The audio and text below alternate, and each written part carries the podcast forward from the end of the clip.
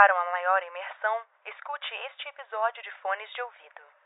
Antes de começar o episódio, não se esqueça de nos seguir no Instagram, pesadelos.cast, no Twitter, pesadeloscast e curtir nossa página no Facebook.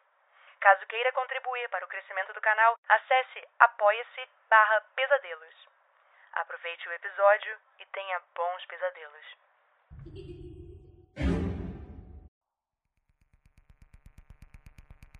Midas e Sileno, adaptado por William Camargo.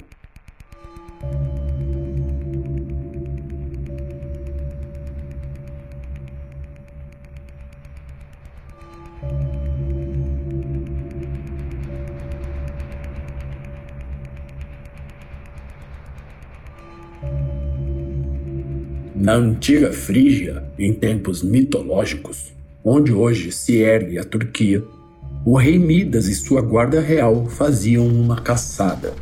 Tinham o objetivo de levar um grande javali para as festividades noturnas.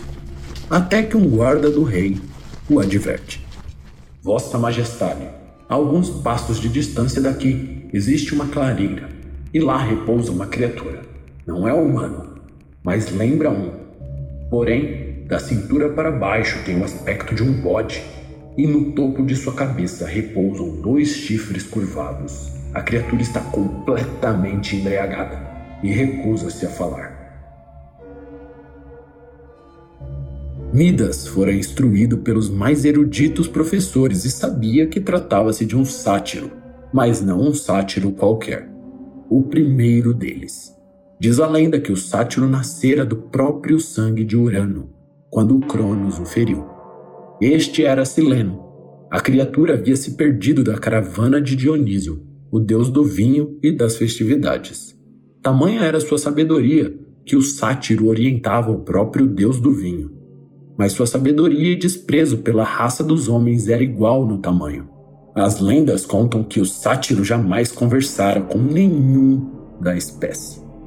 Os membros da Guarda Real levantaram o sátiro sileno e o acomodaram ao sol sentando-o numa pedra. Ali, meio cambaleante, ele passou a fitar o rei frígio com um disfarçado desdém.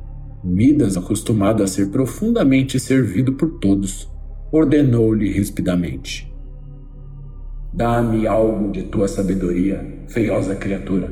Vamos, justifica tua fama. Fale-me, afinal, o que é melhor para os homens? Coisa alguma, senão um sonoro arroto, se ouviu do velho sátiro, que continuava a olhar com desdém para seu interlocutor. Midas, encolerizado, berrava. O que pensas a meu respeito? Não vês que sou rei? Fala-me de uma vez por todas o que é melhor para os homens? Ouro? Sileno permanecia calado, Alcançando um dos muitos odres que carregava, o sátiro intercalava com longos goles de vinho, com taurinos olhares de pouco caso lançados em direção ao impaciente rei. Este o ameaçava, amaldiçoava-o, prometia vinganças, torturas, caso persistisse naquele ébrio silêncio. O rei seguia, repetidamente aos berros. Não é à toa tua reputação precede. Detesto os homens, eu sei, não somos dignos de tua atenção. Também sei, não há como te comprar as palavras e nem há ameaças que te façam emitir sequer uma sílaba aos homens. Mas note, daqui não arredaria o pé, até que de tua boca saia para mim ao menos uma maldita sabedoria. Diz-me novamente e te pergunto: qual, dentre todas as coisas, é a melhor para os homens? Nunca se soube o porquê, mas contra todos os prognósticos, Sileno simplesmente resolveu falar. Depois de um longo gole, sem qualquer cerimônia, limpou a boca com o dorso das mãos, para depois dizer, aparentemente livre de emoções, com a voz pousada e bem grave: Ignóbil raça é essa dos homens, efêmeros, rebentos do acaso e dos maus dias. Tão afastados estáis da natureza que nem mesmo sabeis o que é melhor para vós próprios, seres patéticos. E tu, filho de Górgias e Cibele, a quem chamam de Midas, rei da Frígia, Nada mais é senão fiel representante desta raça. Não há dúvida, estás à altura dela, não vês? Por quais tolas razões queres saber algo que para ti é inalcançável? O que é melhor para os homens, tu me perguntas?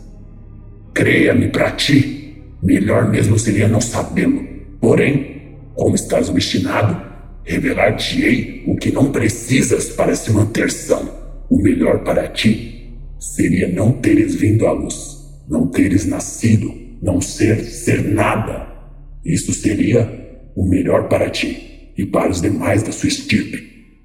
Contudo, como hoje tu encontras a distância do infinito de tal logro, resta-te ainda uma opção.